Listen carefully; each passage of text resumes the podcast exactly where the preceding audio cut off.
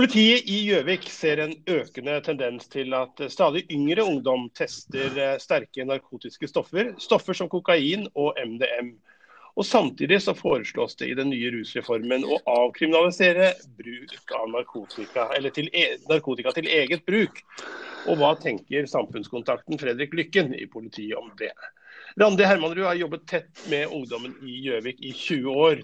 Hvorfor slo hun alarm om utviklingen nå i sommer? Og i ski-VM så tok Maren Lundby sølv i hoppbakken.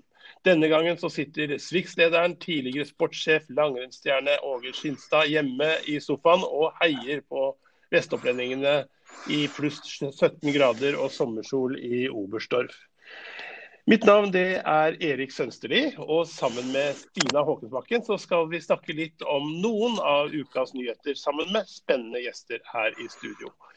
Før vi begynner med dem, Stina, hva har vært de største og kanskje mest debatterte sakene i OA denne uken? Ja, det, denne vika så har det faktisk ikke vært sykehus. Den store nasjonale debatten denne vika var jo etter Grand Prix forrige helg. Tix eh, Wendt og eh, Dagbladets eh, kommentator mange reagerte på hvordan han hadde skrevet om dette. da. Og Det førte bl.a. til at vår egen anmelder Frode Hermanrud skrev en kommentar om hvordan, hvordan, det er å være musikkanmelder. Og det, det har flere respondert på. da. Det syns jeg er litt spennende. Ja, jeg så at Ida Marie Ringerud eh, sendte han et eh, leserinnlegg som var veldig, veldig hyggelig. Det var jo veldig godt lest, det leserinnlegget var, nei, det, det Frode skrev, var det ikke det? Ja, det var jo det. Fordi det er et bærbær å være musikkanmelder heller. Den stikker seg jo litt fram, den òg. Klart det er ikke gøy å bli spytte på og ført etter av bil og tømt øl på når du er ute på jobb. det er den siden vi ikke skriver om. Ja. ja. Narkotikabruken øker blant unge ned i 13-årsalderen i Gjøvik. Salg foregår via Snapchat inne på gutte- og jenterommene. Det kunne vi lese i OA nylig. Samfunnskontakt i politiet, Fredrik Lykken. Hva vil den økende tendensen si sånn rent konkret, sett fra politiets side? Hvor utbredt er narkobruken, rett og slett? Akkurat hvor utbredt den er, det er litt vanskelig å svare på. fordi narkotikabruk er jo i en en, eh, hva skal jeg si, en sak hvor det er én person som bruker det, og de angir sjelden seg sjøl. Så mm, de tilfellene vi kommer borti, det er jo kanskje venner som ringer, familie som ringer politiet, ønsker hjelp, eller situasjoner vi kommer borti selv. Og vi ser jo med bekymring på at vi stadig har oppdaga yngre ungdom som bruker sterkere rusmidler. Og vi tenker at eh, Hvis vi sammenligner med Ungdataundersøkelsen, så ser vi at det er en økning. Men akkurat om en gjengår i kriminalstatistikken, det er en annen sak. For her er det masse mørketall. Sist uke så, så, sa helseministeren eh, Bent Høie at eh, det nesten bare var unger fra vanskelige kår som ender opp som rusmisbrukere. Er det et inntrykk du har òg? Nei, langt ifra. Eh, dette kan ramme alle. Og det viser vel også Ungdataundersøkelsen, at det er eh, også de som gjør det bra på skole, har fritidsaktiviteter, har mye venner, som også bruker ulovlige rusmidler.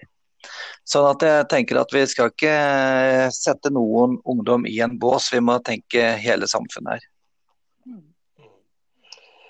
Hva med deg, Randi Hermanrud? Du har jo fulgt ungdommen i Gjøvik eh, ja, nesten fra du var eh, en av Kopperud-gjengen rundt ungdomsklubben på Kopperud sjøl. Nå, nå, skal du faktisk slutte. Ja, hvorfor det, forresten? Ja, nei, du, det, har, det er logistikk mer enn uh, en, uh, noe annet. Jeg, skal, jeg, bor på Jessheim, så det er begrensa hvor gøy det er å kjøre skredfjella daglig. så det er rett og slett praktisk årsak til det. Så jeg begynner eh, i Rælingen kommune. Mm. Eh, så derfor slutter jeg. Ikke fordi at det ikke er en spennende jobb på Gjøvik, for det er det absolutt. Mm. Men hva var det som gjorde at dere eh, slo alarm kan vi si, om det utviklingsstedet dere så i, i fjor sommer? Eh, det er jo et litt sånn sammensatt eh, bilde. Det var jo selvsagt eh, i lys av lockdownen som vi hadde etter 12.3.2020, så ser vi jo at miljøet og, og, grupperingene som var på skysstasjonen utvikla seg noe. Eh, verken vi i kommunen eller eh, politiet har noen tanker eller ønsker om at det ikke skal være ungdom der. Det syns vi er fint at de har et eh, sted å samles. Men vi begynte å se tilsig av mange nye unge som eh, forsøkte seg og var litt i risikosonen for å teste ut litt rusmidler. Og den blanding av litt mer etablerte som begynte å ja, begynte å ja, bli et stort nettverk, da. Eh, og da så vi grunn til å rope litt varsko eh, når de blir så unge eh, og de tester eh, mer enn bare hasj, da. Men hva skjedde på en måte da når, når de slo eh, alarm? Hvordan ble det tatt tak i? Eh, det var jo en, et bredt samarbeid i, i, kommune og politiet, for, og et godt samarbeid mellom administrasjonen og politikerne også, med et ønske om at vi skal få kartlagt eh, hva som skjer her, og kanskje stoppe en usunn utvikling. Um, og så fikk man jo eh, Unge Gjøvik var jo mye på oppsøkende. Eh, forsøkte å komme litt i kontakt med de ungdommene. Eh, og se litt på si bakgrunnen. Hva, hva, er det de trenger? Hvor, hvor er det skoen trykker? Um, og så så vi også definitivt at foreldrene kom på banen. at foreldre ble nysgjerrig på miljøet der. Var mer obs på hva sine egne barn og ungdom gjør. Um, og på den måten da klarte vi liksom å, å stoppe tilsig av ny ungdom da, rekruttert inn, syns vi sjøl. ja, i hvilken grad er det, er, er det denne problematikken der stansa nå, Lykken? Eh, eh, vi, vi snakka med, med, noen i miljøet rundt skysstasjonen denne uka, i OA. Eh, og de sier at de samles i stedet private hjem nå, og de sier at de de savner et, et, trygt fristed. Eller hun vi snakket med, sa at hun ønsket seg et trygt fristed å henge uten kjøpepress, uten diskotek. Nei, øh, og hva, øh, ja, hva tenker, tenker, man er viktig øh, for å forebygge dette, at det utvikler seg igjen? Ja, altså, Vi ser jo det at hvis vi i politiet eller andre jager ungdom rundt omkring, så oppnår vi ingenting. Det er ikke det vi ønsker. Vi ønsker jo å komme i dialog med ungdommen. Vi ønsker også at ungdommen skal ha noe meningsfullt å fylle tida si med, sånn at man kan drive med andre ting enn rusmidler. Så det er jo det er en vanskelig jobb eh, det der. fordi det er jo ofte en forventning fra samfunnet at noen skal gjøre noe, men det er ikke alltid man treffer de riktige tiltakene hver gang heller. Så jeg syns jo det at, eh, det at, vi hører også på ungdommen, det er veldig viktig. Altså, for de, eh, de, har også en annet ståsted enn det vi har. Hva tenker du Herman Ruud? Jo, altså hva, hva jeg, tenker, jeg tenker jo at vi fortsatt har en utfordring i miljøet rundt skysstasjonen, og at vi definitivt har en jobb å gjøre med å forebygge rusproblematikken i Gjøvik kommune. Eh, og jeg ser jo også at den nye rusreformen eh, ikke nødvendigvis eh, eh At den fortsatt kan by på noen utfordringer i forhold til ungdom og rusmisbruk. Eh, men jeg tenker at vi kan heller ikke løpe etter ungdommene med en sånn tilbudspakke på, på enhver ethvert ønske som de, som de, har. Altså jeg tenker at Noen av stedene de har, har de muligheten til å eh, være på og gjøre og endre litt sjøl. Eh, og samtidig så etterlyser de jo også et sted som de ikke trenger å gjøre noe. Og Der jeg mm. at, eh, tenker jeg at ungdom i all tid har funnet steder. Om det er på skysstasjonen, eller om det er på Haugen på Kopperud, eller om det er eh, eh, rundt om da, på sånne samlingspunkter. Og det tenker jeg at ungdom fortsatt skal finne sjøl. Og så er det vår jobb å kanskje påse at de yngste og mest utsatte og mest nysgjerrige da, eh, på en måte får, får, litt sånn støtte rundt seg, og at eh, kanskje heller ungdommene sjøl tør å si ifra der det er eh, der de også ser ungdom sliter. At denne lojaliteten går kanskje mot, mer mot å hjelpe dem enn å, enn å ha kunnskap om hvor de gjemmer seg og ruser seg. Vi trenger ungdom på lagene for å, for å nå ut, da. Det tenker jeg.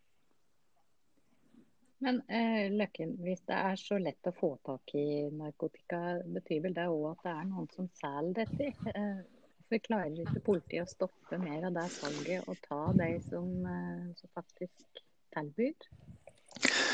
Eh, tidvis så tar jo vi også selgerne, for vi, vi ønsker jo å stoppe salg.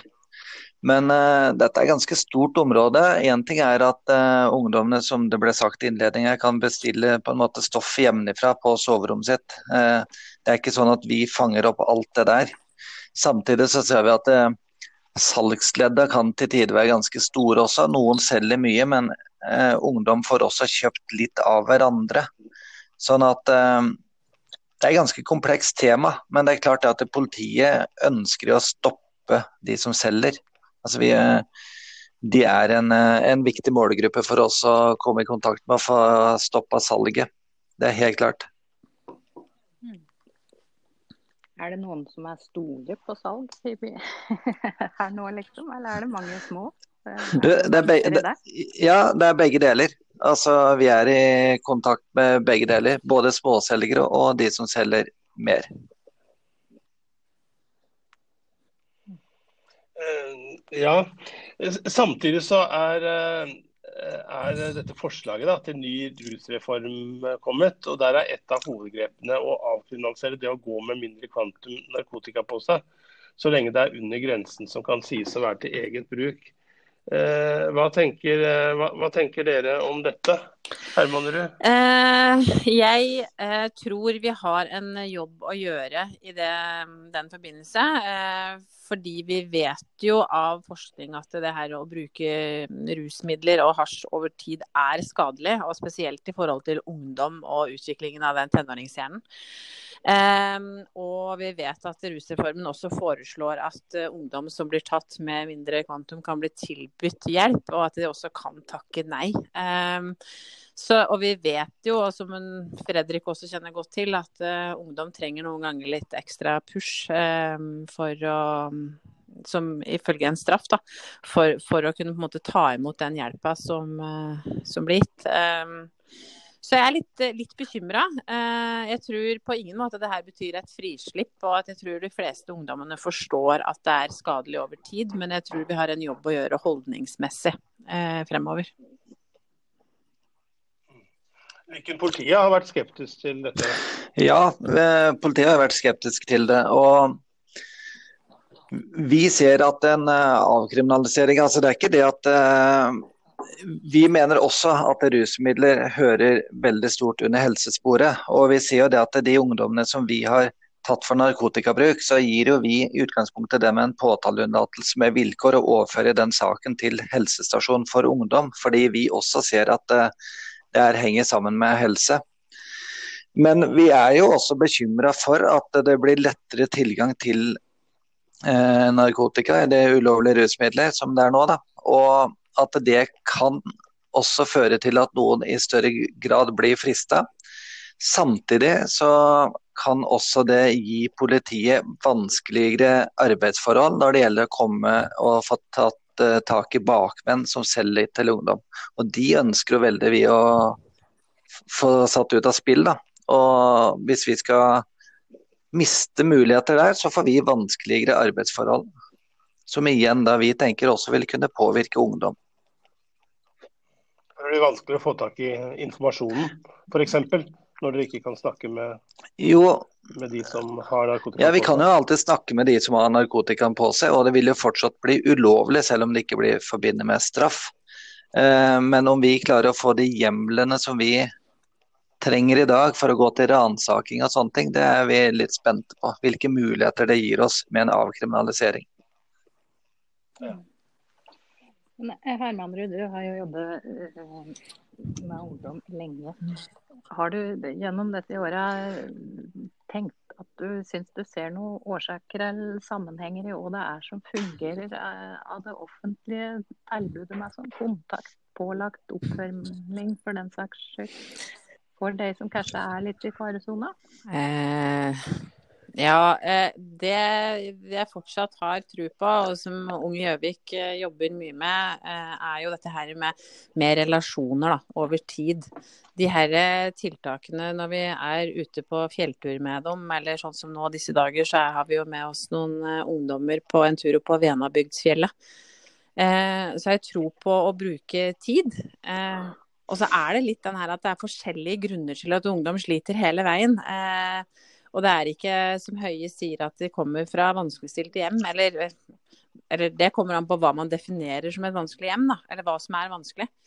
Eh, så jeg tror man må liksom bruke tid, bruke brukermedvirkning, høre på hva ungdommen har å si. Og så tror jeg jo fortsatt på at ungdom og Vi, vi må ha litt sånn trua inn mot de voksne. Altså det, her, det, er ikke så lett å være tenåringsforeldre og, og stå i den runddansen av informasjon og regler og holdninger og hva skal vi si og hvordan skal vi jobbe. Så jeg tror vi må liksom styrke dem med at de gjør en god nok jobb. Eh, og at tå, altså de må tåle den motstanden som ungdommen gir eh, når det er eh, den aldersgruppa. Eh, og så må ungdom tåle at voksne også har reaksjonsmønster. I forhold til at de blir sinte fordi de er redde. Det er greit. Så, mm, så jeg har liksom trua på at det må være tett på, og at det kanskje ikke er så mange tett på. Noen ganger så tror jeg det blir for mange tett på. Så mm, det er vel kanskje det jeg har oppsummert litt med, da mennesker og relasjoner. Mm. Er du, Lykke? Ja, jeg tenker jo eh, mye av det samme. Og det er jo veldig vanskelig, eller ganske naivt, å tro at en eh, rusreform vil fungere for alle. Eh, vi ser det at eh, de urinprøvekontraktene jeg snakka om i stad, Eh, de funker bra på noen ungdom som vi ser at det trenger en motivasjon for å gi seg med rusmidler, eller trenger å skape seg motivasjon. Samtidig så fungerer det dårlig på andre ungdommer. Sånn at eh, et tiltak fungerer nødvendigvis ikke på Petter, men det kan fungere på Line. Altså, vi må kunne tenke litt bredt her også. Og det er det vi er litt redd for, at vi mister noen muligheter i det rusforebyggende arbeidet til å hjelpe ungdom. Ja. Kan jeg kaste meg på det? Eh, og si noe at I rusforebyggende arbeidet så tror jeg det er så viktig at man ser at hver sak har litt sånn forskjellig historikk bak seg. Og at eh, ungdom mm. har, um, har, veldig forskjellig erfaring med å møte voksne. Eh, og det her med hjelp og råd er kanskje ikke noe tenåringer er mest eh, møter med best holdning alltid. Og det, sånn er det å være tenåring. Du skal være litt sånn i opposisjon. Mm. Hvilke skjebner eller historier er det du tenker på da, tilbake etter alle disse årene, Randi Hermanrud? Og det er så um, mange fine historier, og jeg tenker jo at det er det som gjør at man står i jobbene i så mange år. Både triste skjebner, hvor vi ser at uh, vi har ikke fått til å hjelpe. Uh, hvor ting har gått uh, gærent. Men, men, kanskje mest av alt alle de her samspillene man får lov til å være en del av. Um, det å ha ungdom som gir deg tillit, eller det å se at ungdom uh, mestrer. Um, de gode opplevelsene de, vi kan være med å gi dem, um, som gjør at uh, de ikke lenger blir han på skolen som ikke kan lese eller er veldig rar, men kanskje heller han på skolen som synger veldig, veldig bra. For han fikk stå og skinne på Intuit i oktober uh, det året. Så jeg tror, uh, tror, kanskje det er summen av alle de små enkelte hendelsene som gjør at man kommer til å savne jobben veldig, da. Ja, Lykken, eh, eh, det må jo føles som en veldig meningsfylt jobb det du har også. Er det sånn at det er skjebner, historier som, som eh, fester seg hos deg, og som eh, gir deg påfyll til å gå videre? Eh, ja, det er, jo, det er, jo, helt klart det. Det er jo derfor vi jobber med dette. Eh, det handler én ting om å gripe tak i alle de kall det suksesshistoriene med ungdom som man ser at uh, får et godt liv framover. Samtidig så må vi også gripe tak i de sakene hvor vi ser man ikke har lykkes. Man må ta læring hele tida. Og med så mange fantastiske ungdom som vi har, og vi snakka litt om det i stad, det er jo også Eh, det er alle typer ungdom som kan dette utfor, men uansett, all ungdom er jo verdifull. Det er jo veldig mye gode ungdom i Gjøvik.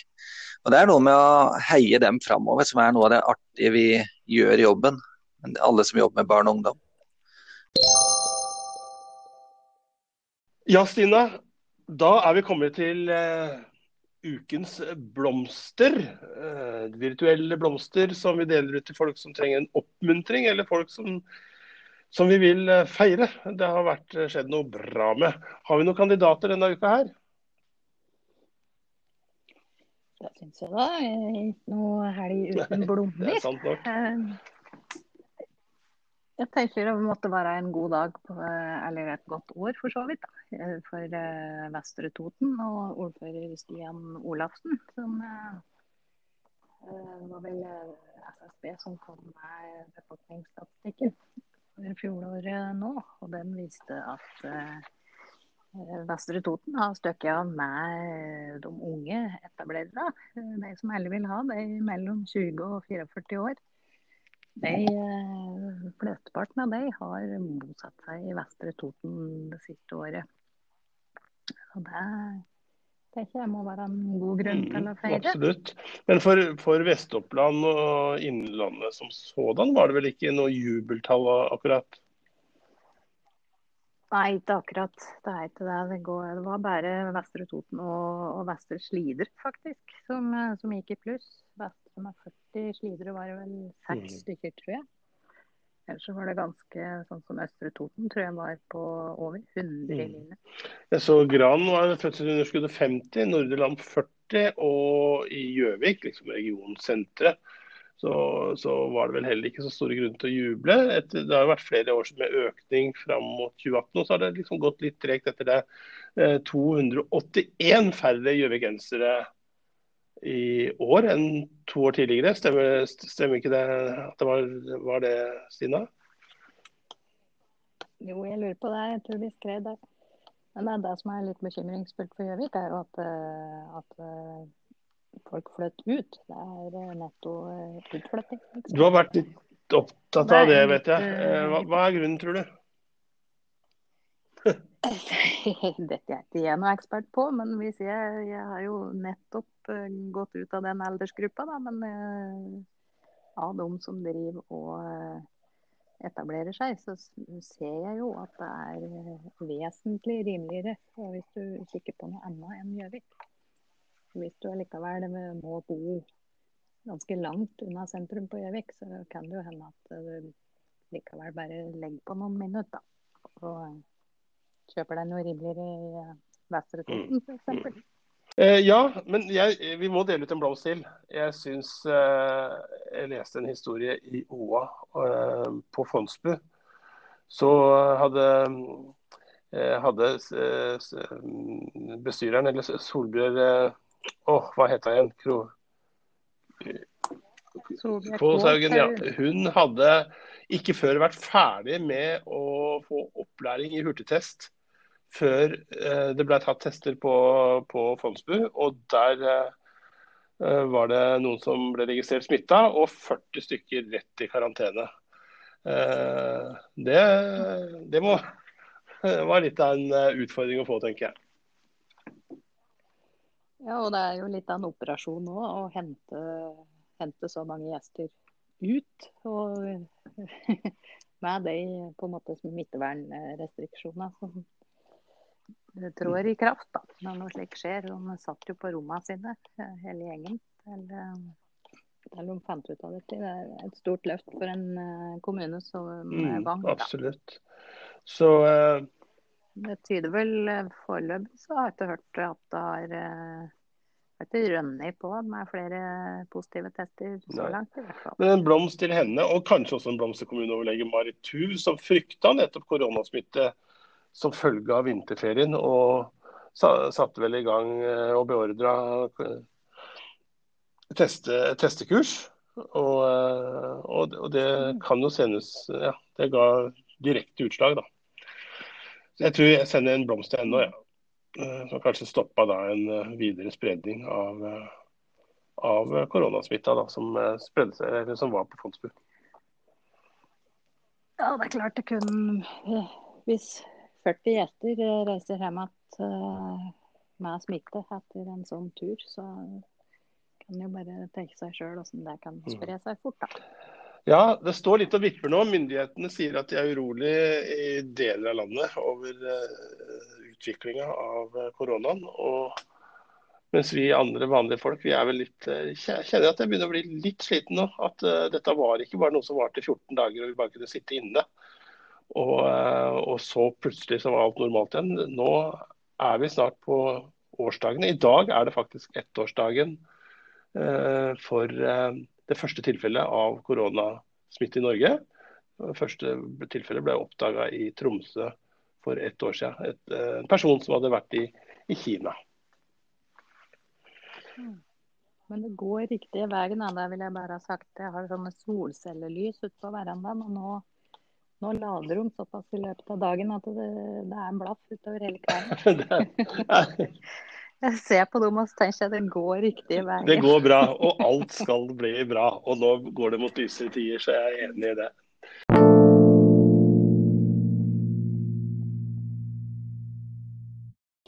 De norske gutta gjorde trippelt på sprinten i Oberstdorf. Maren Lundby tok VM-sølv og Thea Minjan Bjørseth sjuendeplassen. Dette er en god start på VM. Eh, Åge Skinstad, tidligere sportssjef på det norske skilandslaget og sentral i Swix og bra og det hele. Men først og fremst Gjøviks eh, store ja, En av de store skiprofilene. ja, takk, eh, takk, for det, da. Vi får si Gjøvik-Toten, men, men, ikke for at jeg ikke liker Gjøvik. Men jeg syns at Gjøvik-Toten, og det har jeg sagt i mange sammenhenger før, at det burde vært mer forent enn det er. For jeg føler fortsatt at det er litt sånn noen gjøvikensere som ikke vil være totninger, og motsatt. Men eh, tusen takk for innledninga, Erik. Du, Vi er vant til å se deg på TV-skjermen, men, eh, men eh, nå har du sendt stafettpinnen videre til sønnen du, som er ekspertkommentator på TV 2. Eller skal du innom en tur i studio nå også? Ja, jeg har sendt, jeg har sendt stafettpinnen videre. Det er han som jobber for TV 2. Men han skal gå Vasaloppet. Det er siste helga i, i VM. Og den andre eksperten til TV 2 er Marit Bjørgen. Hun skal òg gå Vasaloppet. Og dermed så måtte de eh, ringe til meg, da. Så jeg skal faktisk inn eh, og være med på litt sånn nettsendinger og sånn VM-studioprat for TV 2 den siste helga i VM. Harmelig, da. Får ikke du gå til Vasaloppet? Eller, eller for å si det på en annen måte, Stina. Da slipper jeg å gå Vasaloppet. men i fjor så gikk jeg bare den eh, Vasa-stafetten. Og jeg tror, ikke, jeg tror ikke jeg ville ofre ti dagers karantene i ny jobb på Hadeland for å, for å ha gått 19 km eh, i Sverige. Nei. Men du, når vi har deg her, eh, jeg må nesten bare bruke anledningen til å spørre deg den i debatten rundt kvinnehopp. Hva tror du må til for at Maren Lundby og de andre jentene skal slippe å møte den stadige forskjellsbehandlingen? Nei, Jeg syns i hvert fall det er helt håpløst. Og det, nå i dag så er det jo kombinert eh, for kvinner i VM. og det er jo ikke lenge siden. Jeg var jo med når Maren var med første gangen i, i 2009 i Liberec.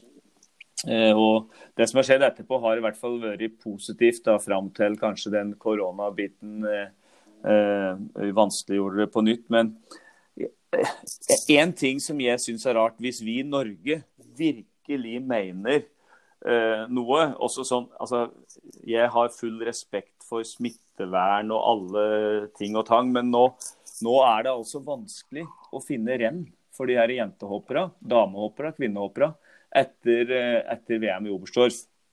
Og vi skulle egentlig hatt dem i Norge til å hoppe rå air.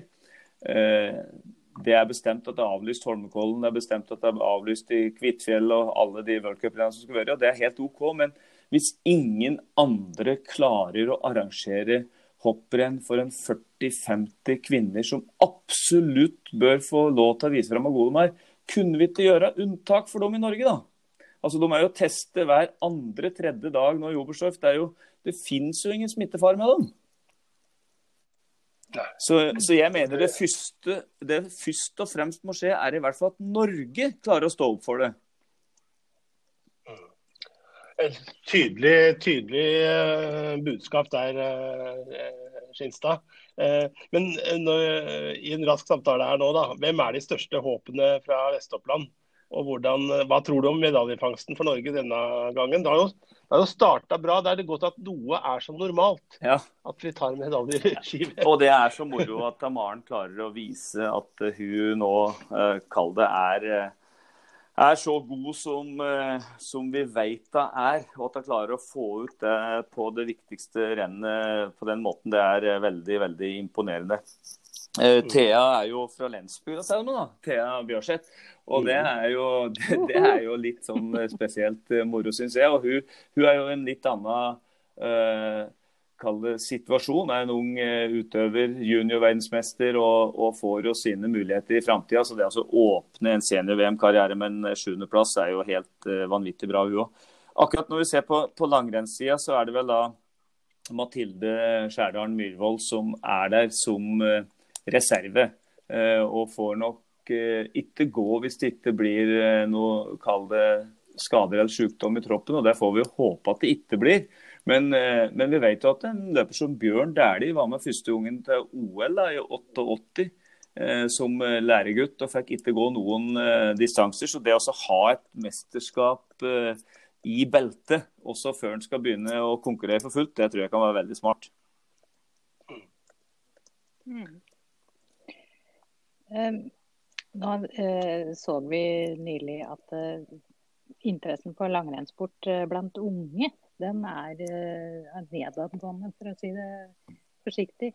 Hva tenker du om det? Og hva er det som gjør at vi som ser skikonkurranser på TV, er over 50 oftest? Og ja, nå er det vel nå er det jo så mange nye plattformer Altså, nå, dette er jo en podkast, og er ikke Nå begynner vel kanskje noen over 50 år å høre på podkast. I hvert fall er det noen av oss over 50 som lager podkast. Vi har jo en som heter Skisporet, som jeg er med eh, og lager. og eh, altså, Mediebildet ser jo helt annerledes ut. Altså, Live TV har jo mye Eller, eller lineært TV, da, har jo mye mindre seere enn det har hatt før. Og det er vel eh, kanskje live idrett som har, eh, som har størst eh, seertall. Og langrenn har jo alltid interessemessig vært dominert av den voksne delen av befolkninga.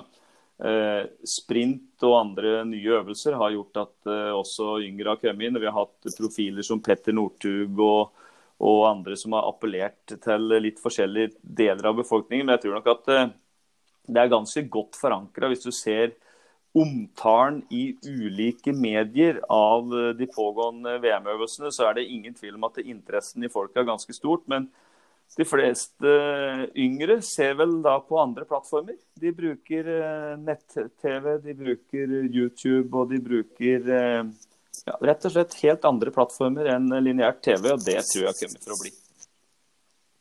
Tror du koronaen betyr negativt? Du var inne på det at vi burde klare å arrangere skikonkurranser. Ja. Eh, tror du koronaen er alvorlig, sånn med tanke på noe utbredelse, eller, er det, når, når, eller skal vi ikke overdrive dette? Jeg har respekt for de, de avgjørelser som blir tatt av myndigheten.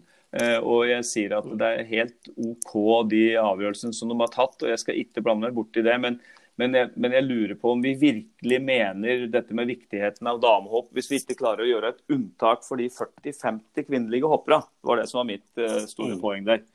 Uh, Mm. Eh, jeg tror at koronaen i hvert fall har hatt en negativ uh, impact, som vi sier i Lensbygda og på Kapp, som vi bor nå. På, på, det med i forhold til interessen for å utøve idretten. For det er klart det er, det er vanskelig å holde interessen oppe når en nesten ikke får lov til å konkurrere. Eh, nå, nå, er det jo konkurranser i helga, har jeg sett, på, på, på kretsnivå. Det er jo veldig bra, da. Så, eh, så, jeg håper jo at vi så fort som mulig kommer i gang med en del aktivitet. Jeg tror, jeg tror på mange måter idretten, at det breddeidretten, det er løsningen på koronakrisa. Det er ikke problemet. Så vi må på en måte begynne å se på hvor viktig folkehelse er i den store sammenhengen. Hvor viktig det er at folk holder seg aktivitet og kommer seg ut. At vi ikke bare er redde. Mm, mm. Mm. Ja, litt redde har vi jo vært i dette året. Men um, du er på tur uh, nå, nå, nærmer det seg avslutning? Ja, nå fikk jeg i hvert fall sånn varsel på PC-en her om at, uh, at det er uh, fem minutter att. Så ja, jeg, er, jeg har siste, jeg har siste dag på kontoret på, på Swix på Lillehammer i dag. Men jeg skal fortsette bl.a. å lage den ja. podkasten som heter Skisporet. som Swix og Skisporet, da, som er en sånn app som en finner ut hvem det er skiløyper. og vi skal fortsette, eller jeg skal fortsette som programleder i den ut uh, sesongen til påske, liksom. Og da, så, så jeg, jeg, klipper ikke alle bånd til, uh, til Swix og langrennssporten. Nei.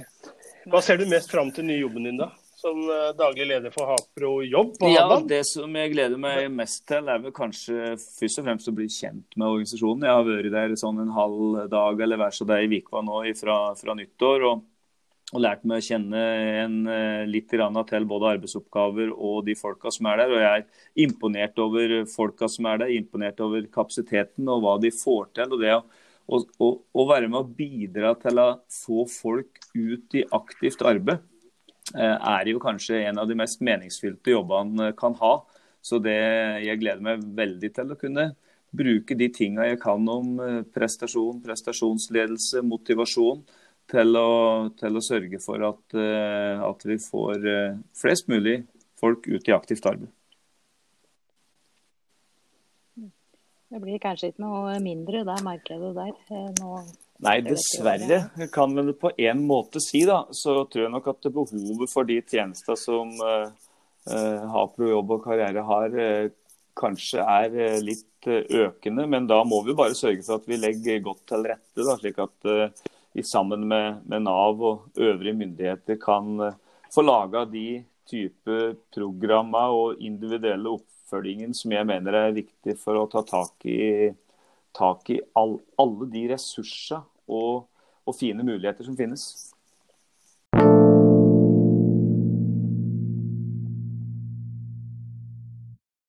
Du, eh, det nærmer seg slutten. Det er fredag. og... Eh nå har vi hatt mange runder i denne poden, eh, Stina, hvor vi ikke har klart å kunne melde om alle de gode, fine arrangementene som vestopplendingene pleier på å kunne ta del i. Eh, det er lite grann, som jeg har funnet iallfall. I den forstand at en en mulig variasjon til stua hjemme eller kjøkkenet hjemme kan jo kanskje være afternoon tea. Velsmakende britisk selskapstradisjon, det. Uh, som jo har gjort virkelig vei i vellinga borte på Arbeidersamfunnet i Gjøvik. Jeg veit ikke om det er lang kø eller hvordan det er, men det har iallfall vært populært. Da er 14 17 lørdag og søndag. anbefaler deg det, Stina, hvis du blir, får brakkesjuke. Hår. Har, ja.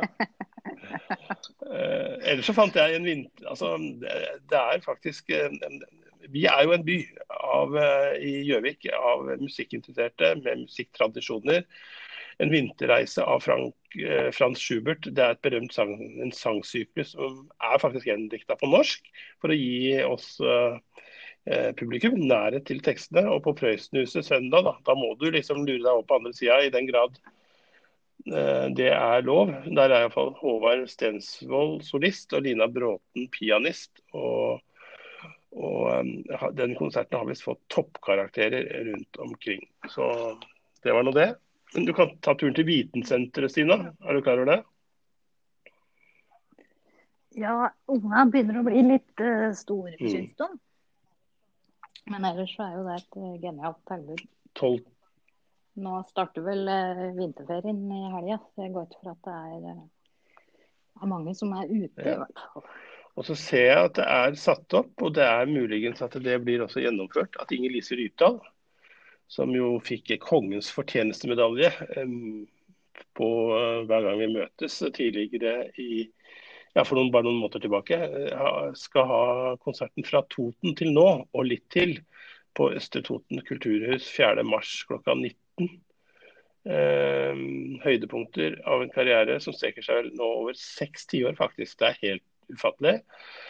Um, både på den ene og den andre måten. Jeg husker hun var svært ung. så Det betyr at jeg også har levd litt. Men jeg, jeg tror det, det blir altså De klarer kanskje å gjennomføre sånne smitteverntiltak. Det, og det er vel begrensninger og alt mulig. Ja, det er vel det er vel lempe litt på dette nå. Knut Anders Sørum skulle jo ha en, en turné nå, og der var det vel egentlig restriksjoner på tid, tror jeg, i utgangspunktet. Men nå er det vel lempe mm. litt på det, da. Er dette oppe i 100 nå? Jo, det det er klart det er jo litt spesielt eh, når du er vant til å reise og spille for fulle hus. Så kan du spille for ti stykker som sitter på hver sin fastmonterte stol. Ja, Men i alle fall, av andre ting som jeg tar med meg, er eh, Lillehammer Pride. Eh, der er det vinterpride nå i helga. Hadeland Glassverk har åpent. og Eh, har glassblåsing, hvor du kan lage dine egne påskeegg, faktisk. Det nærmer seg påske, folkens. Eh, det tenker jeg blir ei fin tid for oss eh, nå. Ja, er på tide å runde av, Stina? Ja, jeg tror det, ja gå inn ja. i helga. Da sier vi takk til gjestene våre. Takk til deg som hørte på. Eh, OA-podden og andre podkaster finner du der du finner podkastene dine. Hør gjerne på dem, og så må dere ha en riktig god helg.